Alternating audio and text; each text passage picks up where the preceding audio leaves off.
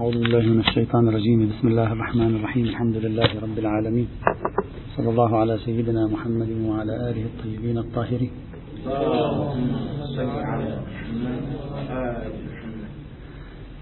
وصل بنا الحديث إلى آية الجزية بعد أن ناقشنا الدلالات التي دعيت في سائر الآيات القرآنية من المجموعة الأولى التي قيل بأنها تدل على مشروعية الجهاد الابتدائي مباشرة لم يبقى إذا الإخوة لاحظوا المناقشات السابقة لم يبقى إلا آية الجزية لم نسجل عليها حتى الآن ملاحظة سائر الآيات الأربعة أو الأربع التي ذكرناها كلها سجلنا عليها ملاحظات تؤدي إلى التشكيك في إمكانية الاستدلال بها على إثبات مشروعية جهاد باسم الجهاد الابتدائي بقيت آية الجزية آية الجزية لو تأملتها الحق والإنصاف أنها دالة على مشروعية الجهاد الابتدائي لوحدها نتكلم الآن مشروعية الجهاد الابتدائي لماذا؟ لأنها تضع القتال على عنوان لا علاقة له بالعدوان وتنهي القتال بعنوان لا علاقة له بالإسلام بمعنى عفوا لا علاقة له بالصلح مع معذرة بمعنى أن المقاتل في هذه الآية القرآنية الكريمة عناوين ليست عدوانية على المسلمين لا يؤمنون بالله ولا باليوم الآخر وجماعة عندهم وجهة نظر أنت أعلنت الحرب عليهم لأن عندهم وجهة نظر لا يؤمنون بالله ولا باليوم الآخر وحرب جهاد ابتدائي هذا يعني أنت عندما تقول قاتل الذي لا يؤمن بالله ولا باليوم الآخر يعني قاتله لأن فيه هذه الصفة لا يؤمن بالله ولا باليوم الآخر قاتلوا الذين لا يؤمنون بالله ولا باليوم الآخر هذا عنوان عنوان آخر أيضا مثلا من العناوين اللي وردت لا يدينون دين الحق لا يدين دين الحق ما قال ولا يدينون دين الحق ويعتدون عليكم ما في أي مؤشر لذلك هو لا يدين دين الحق فأنت عليك أن تقاتله مثلا عنوان ثالث لا يحرمون ما حرم الله ورسوله ما قال لا يحرمون ما حرم الله ورسوله يعني يعتدون عليكم هم يا أخي لا يحرمون بمفهومنا اليوم هذه الجرائم إذا اعتبرتها أنت جرائم هذه جرائم رأي ليست جرائم آه، ضد الإنسان ما سوى شيء هذا هو لا يرضي أمي بالله أخطأ يا أخي أخطأ أنت الآن فتحت حرب عليه لأنه أخطأ معنى ذلك أنك تريد أن تقاتله لرأيه لعقيدته فالجهاد ابتدائي الآية لها قوة دلالة هذه المرة تريد أن تقاتله بدلالة الآية القرآنية الكريمة لعدم تدينه بالدين الحق ذهابه إلى أديان باطلة فاسدة مثلا الآية تقول من أهل الكتاب ولا يدينون دين الحق من الذين أوتوا الكتاب إذا تركيبة هذه الآية عدم وجود أي مؤشر على العدوان فيها طبيعة العناوين التي صب عليها وجوب القتال طبيعتها عناوين دينية يعني بما هو لا يؤمن بالله قاتله بما هو لا يدين دين الحق قاتله بما هو لا يحرم ما حرم الله ورسوله قاتله وهكذا وبالتالي طبيعة الآية تختلف عن طبيعة الآيات التي مرت معنا سابقا الآيات التي مرت معنا سابقا قرائنها المتصلة أو محتملة الاتصال قرائنها تمنع عن التمسك بوجود دلالة فيها أما هنا لا يوجد شيء آية قرآن تقول قاتل أمر بقتال الذين لا يؤمنون بالله وهذا لا يؤمن بالله نقاتله دون أي قيد دون أي خصوصية دون أي شيء على الإطلاق وطبيعة العناوين الموجودة في المقاتلين طبيعة عناوين غير عدوانية يعني غير عدوانية بالمعنى الإنساني يعني هي طبيعة عناوين عقائدية وبالتالي عندما تقول قاتل الذي لا يؤمن بالله يعني بنكتة أنه لا يؤمن بالله قاتل الذي لا يدين دين الحق يعني بنكتة أنه لا يدين دين الحق وهذا هو معنى الجهاد الابتدائي القتال بملاك الكفر وهذا تعريف الجهاد الابتدائي أنه القتال بملاك الكفر وهذا هو القتال بملاك الكفر أصلا الآية واضحة في هذا المدلول في هذا المعنى بعض بعضهم حاول أن يجعل هذه الآية ضمن سياق الجهاد الدفاعي مثلا اعتمدوا على السياق التاريخي لنزول آية الجزية اعتمد على السياق التاريخي لنزول آية الجزية مثلا الشيخ آه، الشيخ محمد جواد مغنية في تفسير الكاشف ابن عاشور في تفسيره التحرير والتنوير سيد قطب في كتابه في ظلال القرآن حاول أن يربطوا بين هذه الآية القرآنية وما بين السياق التاريخي لنزولها أن يعني هذه الآية القرآنية نزلت في سياق غزوة تبوك يعني في سياق مشكلة بين المسلمين وبين الروم كان الروم يحشدون في شمال الجزيرة العربية وصار الفضاء مهيأ آه، مثلا لغزو من هذا القبيل طيب، بناء عليه ثمة علاقة ما بين الجيش الغازي من شمال الجزيرة العربية اللي هو كان مسيحي وما بين أهل الكتاب في الجزيرة العربية الذين هم في الغالب أيضا أو كثيرا ما كانوا مسيحيين فلذلك الآية جاءت بهذه اللغة من باب الدفاع من باب رد العدوان لا أكثر ولا أقل طبعا هذا الكلام يعني غير غير واضح غير مقنع لأن الآية القرآنية الكريمة عندما تتكلم تتكلم عن الجيش الجيش الروم الذي غزا وإنما الآية القرآنية الكريمة تكلمت عن مطلق من لا يؤمن بالله واليوم الآخر مطلق من لا يدين دين الحق لم تتكلم عن جماعة بعينها حتى تتكلم عن فرض الجزية عليهم في هذا السياق حتى سياق هذه الآية سياق غير غير دفاعي لاحظ مثلا الآية ما يحيط بهذه الآية وقالت اليهود عزير بن الله وقالت النصارى المسيح بن الله ذلك قولهم بافواههم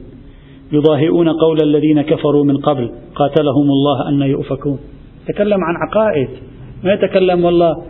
وقالت اليهود سوف نغزوكم ونحاربكم وقالت اليهود لن نضع السيف الا في رقابكم ما في كلام من هذا القبيل السياق كله سياق عقائدهم ومع ذلك جاءت الايه في وقاتلوا هؤلاء الناس نظرا لما لديهم من اعتقادات اتخذوا أحبارهم ورهبانهم أربابا من دون الله والمسيح ابن مريم وما أمروا إلا يعبدوا إلها واحدا سياق سياق عقائد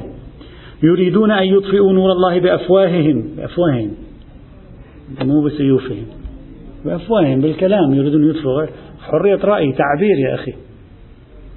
يطفئ نور الله ويأبى الله إلا أن يتم نوره ولو كره الكافرون إلى آخره الآية هذه وقعت في هذا السياق فعندما يقول قاتلوا هؤلاء الذين لا يدينون دين الحق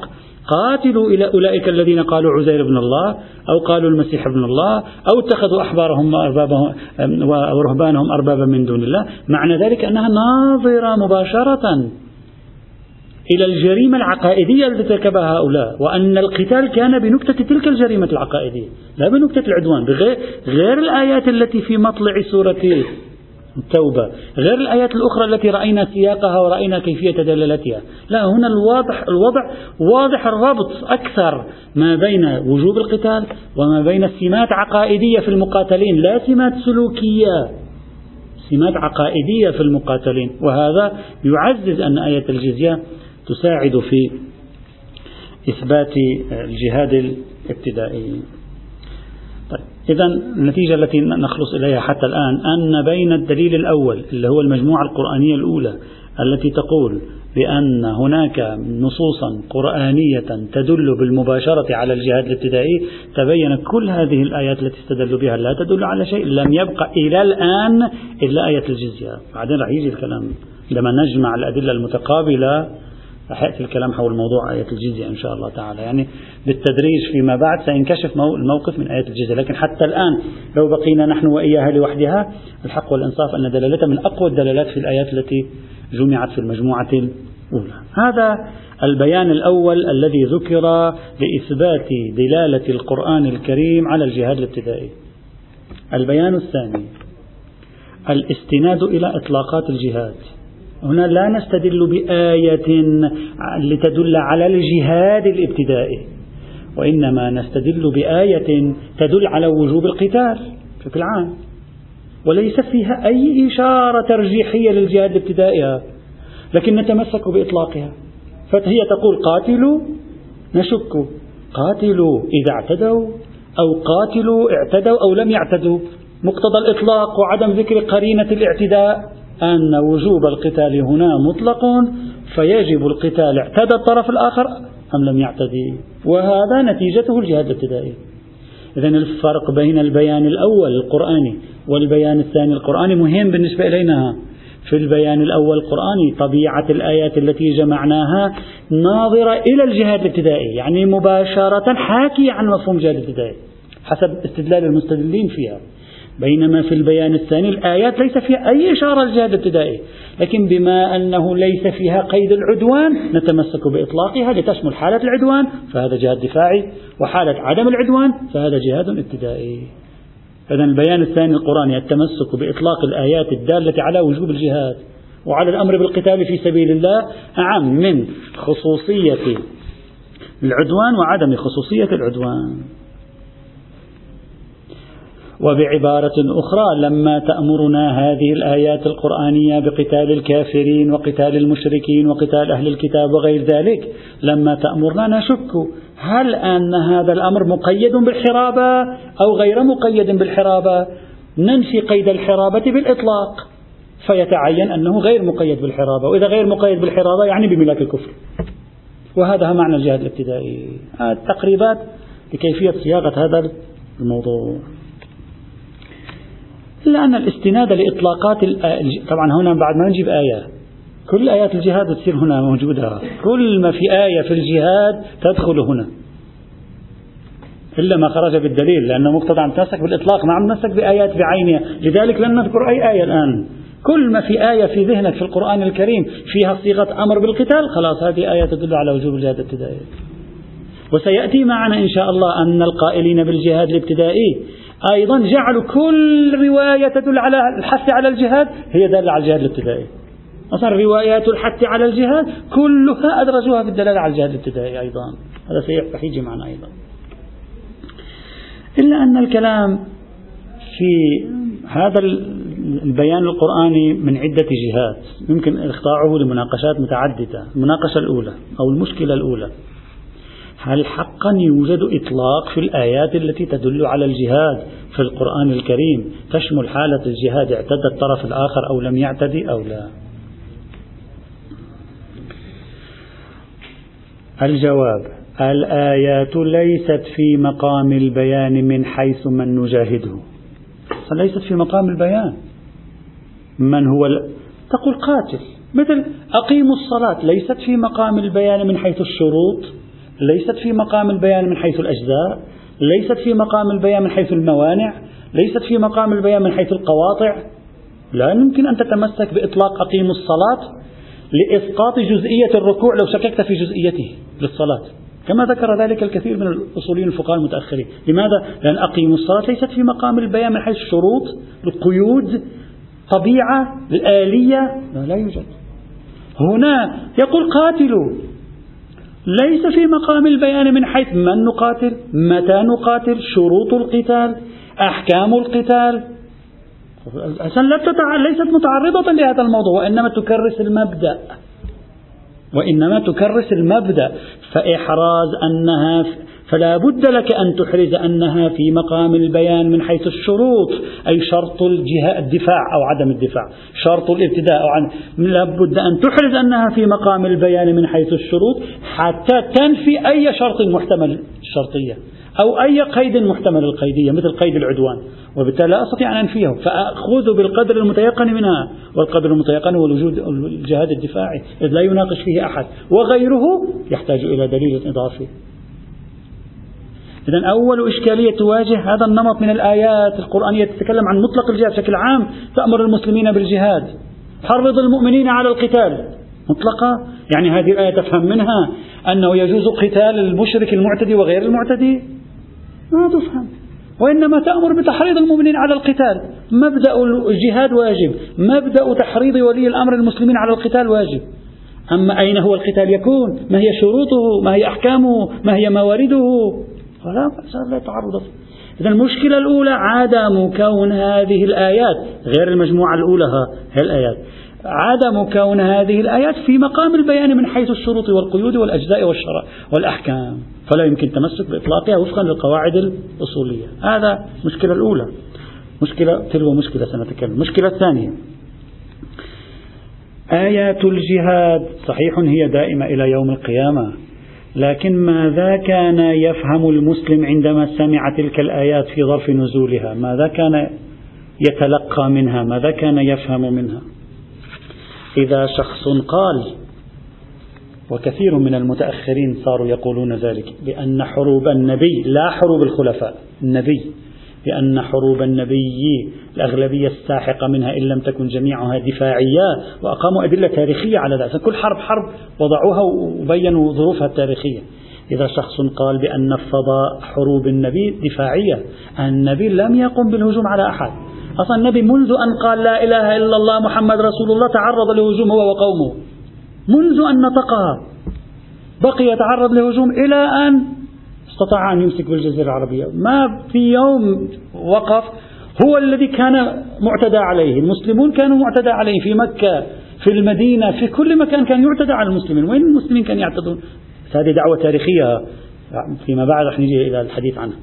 إذا صحت هذه الدعوة التاريخية من استقراء طبيعة غزوات النبي اللي هي مثل عمليات المقاومة ضد الاحتلال الإسرائيلي مش حروب دفاعية مثل عمليات المقاومة أنت مستهدف وهناك القبائل وقريش دائما في حال استهداف لك وأنت تريد أن تقوي وضعك لتبقى قائما إذا ثبت هذا الوضع التاريخي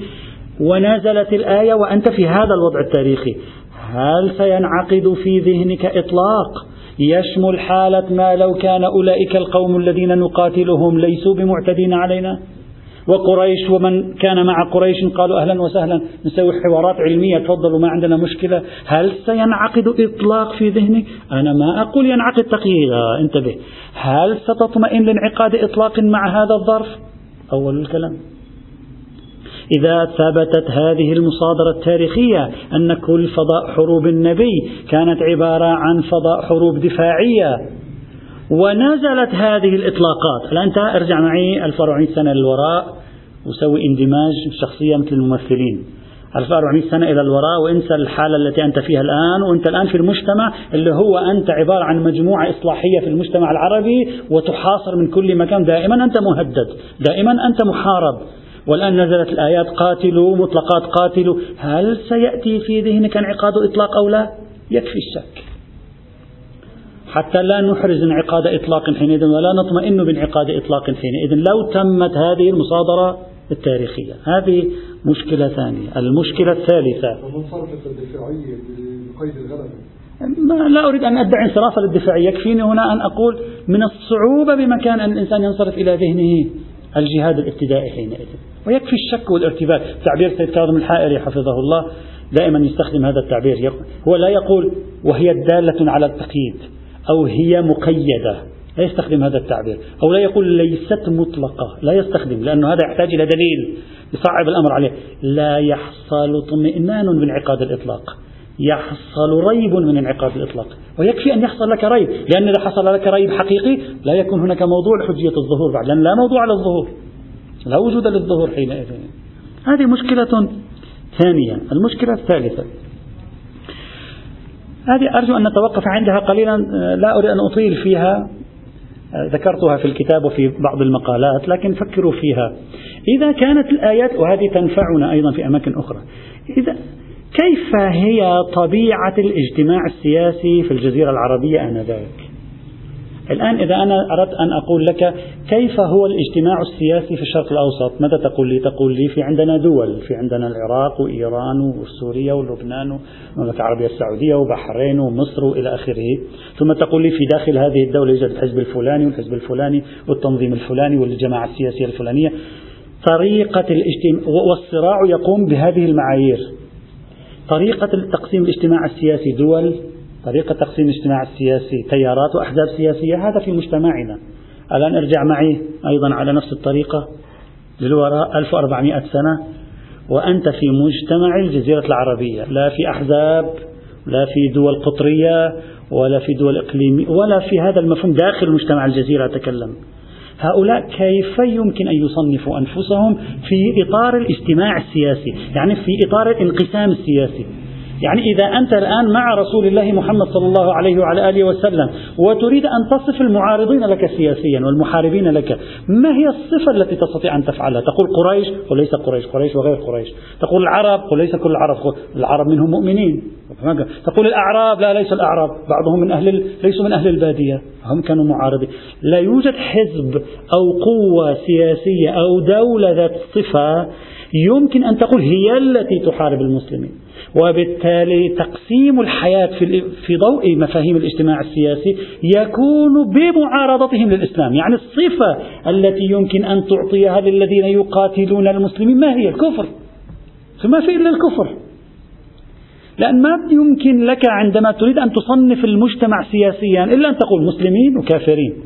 صحيح أن بعض الكافرين ربما كانوا مسالمين ولكن بما أن الأعم الأغلب في الجزيرة العربية من الكافرين خاصة مع الأخذ بعين الاعتبار مثل معركة الأحزاب وغيرها الأعم الأغلب منهم كانوا محاربين للنبي كانوا معارضين للنبي كانوا مواجهين للنبي يعني في مواجهة فحينئذ من الطبيعي أن القرآن عندما يقول قاتل الكفار لا يقصد من ذلك أن القتال مرتب على عنوان الكفر بما هو صفة باطنية بل هو عنوان مشير إلى الجماعة السياسية التي كانت تواجه المسلمين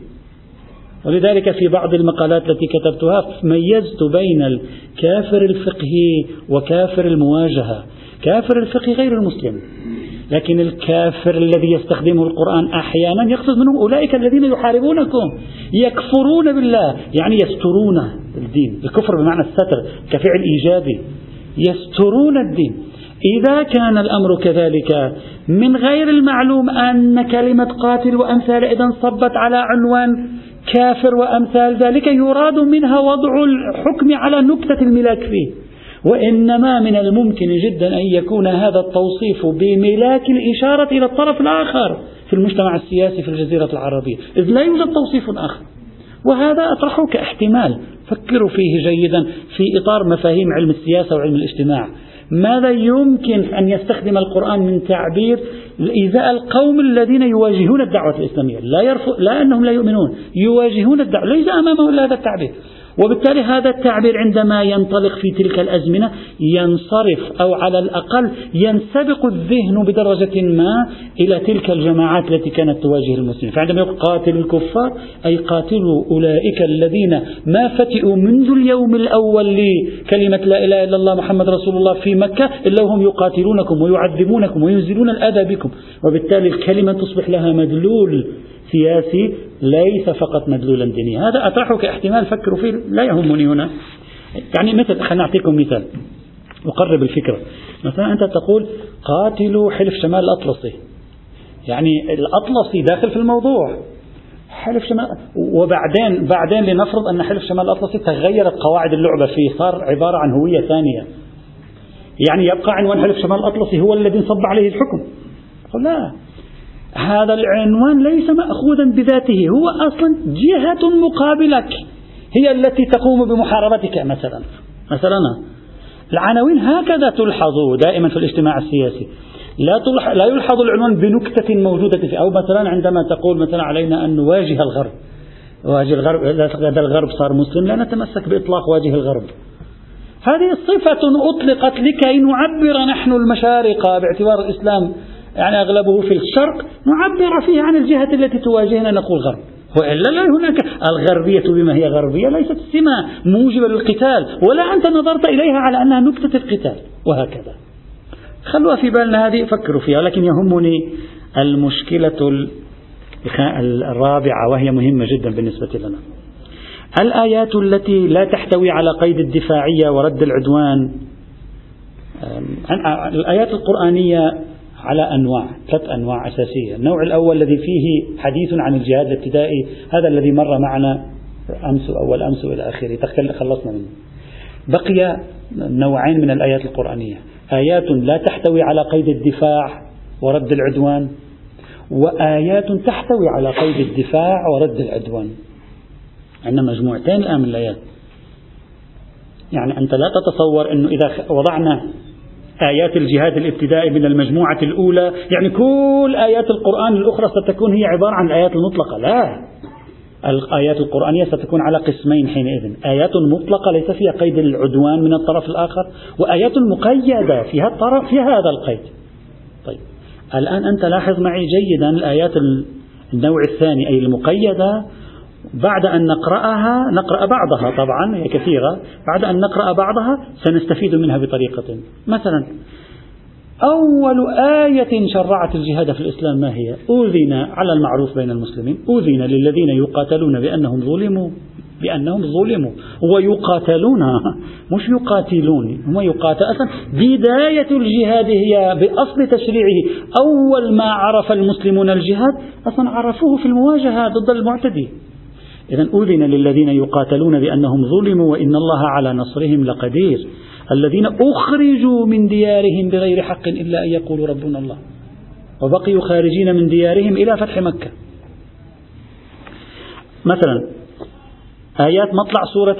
سورة التوبة التي تكلمنا عنها سابقا ورأينا كيف أن فيها قيد العدوان مثال آخر ولا يزالون يقاتلونكم حتى يردوكم عن دينكم إن استطاعوا البقرة 217 لاحظ هذا الفضاء لا أنت أريدك أن تلاحظ معي هذا المجموعة من الآيات التي نزلت بأوقات متعددة كيف ستولد في ذهننا مفهوما ما هو المفهوم؟ أن هؤلاء القوم سيبقون على قتالكم حتى يخرجوكم من دينكم ماشي قال تعالى وقاتلوا في سبيل الله الذين يقاتلونكم أيضا الذين يقاتلونكم ولا تعتدوا إن الله لا يحب المعتدين لا تعتدوا الذين يقاتلونكم لا تعتدوا كما جاء في سورة البقرة الآية 190 في سورة الممتحنة الآية الثامنة والتاسعة قال لا ينهاكم الله عن الذين لم يقاتلوكم في الدين ولم يخرجوكم من دياركم أن تبروهم الجماعة الذين لم يقاتلوكم الجماعة الذين لم يخرجوكم من دياركم أصلا الله ليس فقط يقول لكم لا تقاتلوهم يقول لا ينهاكم أن تبروهم أصلا تريدون تبروهم تقسطوا إليهم تعطوهم من الخير تتواصلوا معهم ما عندي مشكلة أبدا هؤلاء ما عندنا مشكلة فيهم ترى حتى لا تظنوا أن الأمور ملتبسة لا ينهاكم الله عن الذين لم يقاتلوكم في الدين ولم يخرجوكم من دياركم أن تبروهم وتقسطوا إليهم إن الله يحب المقسطين يعني أنا أحب منكم أن تبروهم وتقسطوا إليهم من هم هؤلاء الذين لم يخرجوكم من دياركم أبدا ولم يقاتل إنما ينهاكم يعني عندما نحن نقول لكم إياكم أن تتسالموا مع قوم أي قوم نتكلم الحرب بيننا وبينهم من هم إنما ينهاكم الله عن الذين قاتلوكم في الدين يعني لمكان تدينكم قاتلوكم لكونكم قلتم لا إله إلا الله محمد رسول الله قاتلوكم وما ينقمون إلا أن آمنوا بالله وما ينقم منا إلا أن آمنوا بالله فقط لإيمانكم بالله اعتدوا عليكم ها نعم هؤلاء قاتلوهم حتى تحفظوا دينكم إنما ينهاكم الله عن الذين قاتلوكم في الدين وأخرجوكم من دياركم وظاهروا على إخراجكم أي عاونوا غيركم على إخراجكم من دياركم أولئك الذين يعينون غيركم على أن تخرجوا من تخرجوا من دياركم نعم مثل من مثل من مثل بني قريظة بني قريظة ظاهروا المشركين لإخراج المسلمين من المدينة والقضاء عليهم في تلك المؤامرة المعروفة وظاهروا على إخراجكم أن تولوهم إلى آخره هذا نعم ينهاكم الله عنه في سورة الأنفال آية 61 وإن جنحوا للسلم فاجنح لها وتوكل على الله إنه هو السميع العليم إذا يأتون يريدون يسالموا أهلا وسهلا ما في مشكلة وفي الآية 75 من سورة النساء قال تبارك وتعالى وما لكم لا تقاتلون في سبيل الله والمستضعفين من الرجال والنساء والولدان الذين يقولون ربنا أخرجنا من هذه القرية الظالم أهلها يعني في قوم لدينهم يعتدى عليهم نعم هؤلاء يجب أن تقاتلوا لأجله لأجلهم تحموهم تحموا دينهم لماذا؟ لأنهم يتعرضون للعدوان وأهل هذه القرية ظالمون لأنهم يظلمون تلك الفئة القليلة المؤمنة الصالحة نعم هنا ما في مشكلة في قوله تعالى فقاتل في سبيل الله لا تكلف إلا نفسك وحرض المؤمنين لماذا؟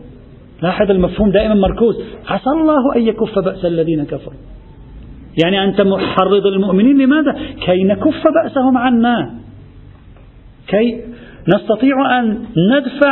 عدوانهم علينا عسى الله أن يكف بأس الذين كفروا والله أشد بأسا وأشد تنكيلا كما جاء في سورة النساء الآية 84 أو كقوله تعالى وهذه من الآيات المهمة جدا فإن اعتزلوكم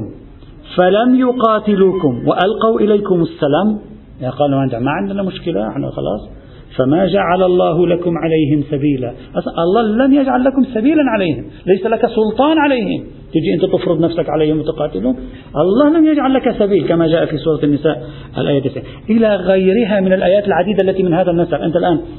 عندما تقرأ القرآن الكريم لاحظ حجم الآيات التي تبث هذا المفهوم الآن الآن الاستدلال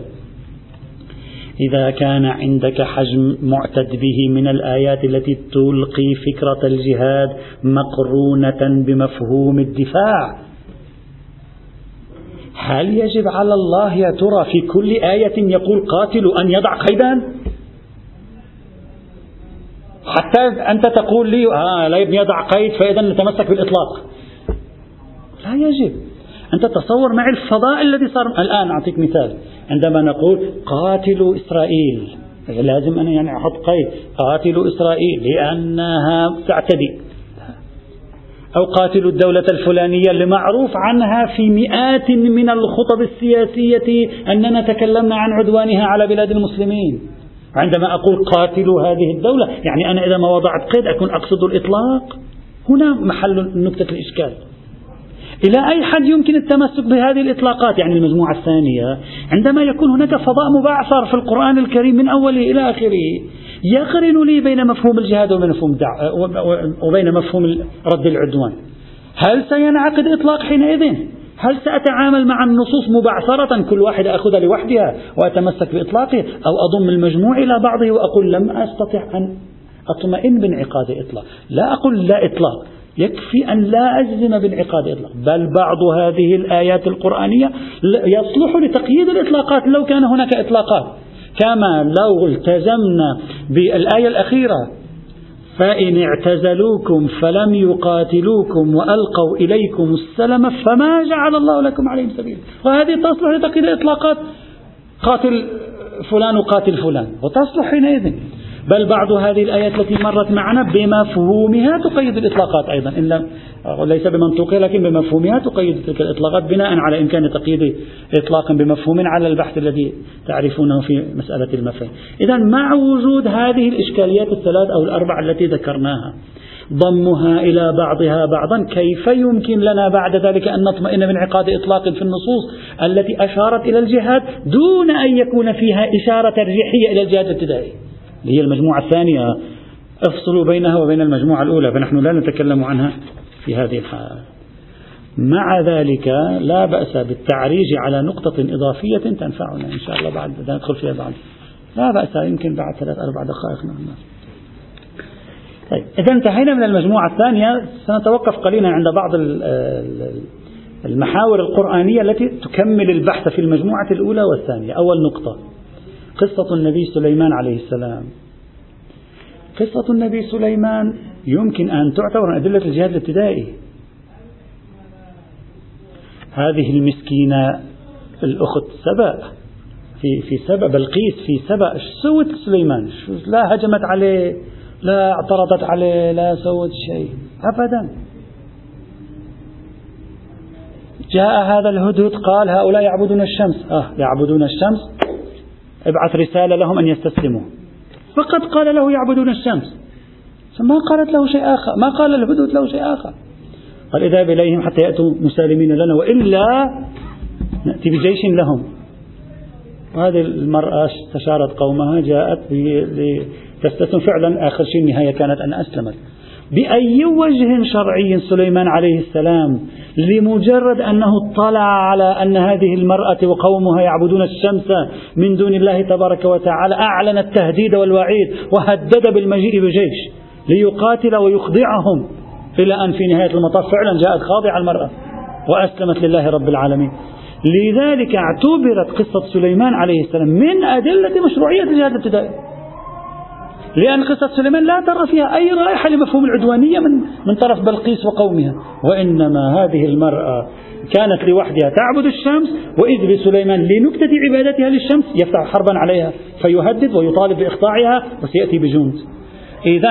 هذه القصة لا يمكن فهمها إلا أيضا بضمها إلى مجموعة جديدة تستطيع أن تثبت لنا أيضا وجوب الجهاد الابتدائي هل هذا صحيح؟ هذا الموضوع خضع لمناقشات من قبل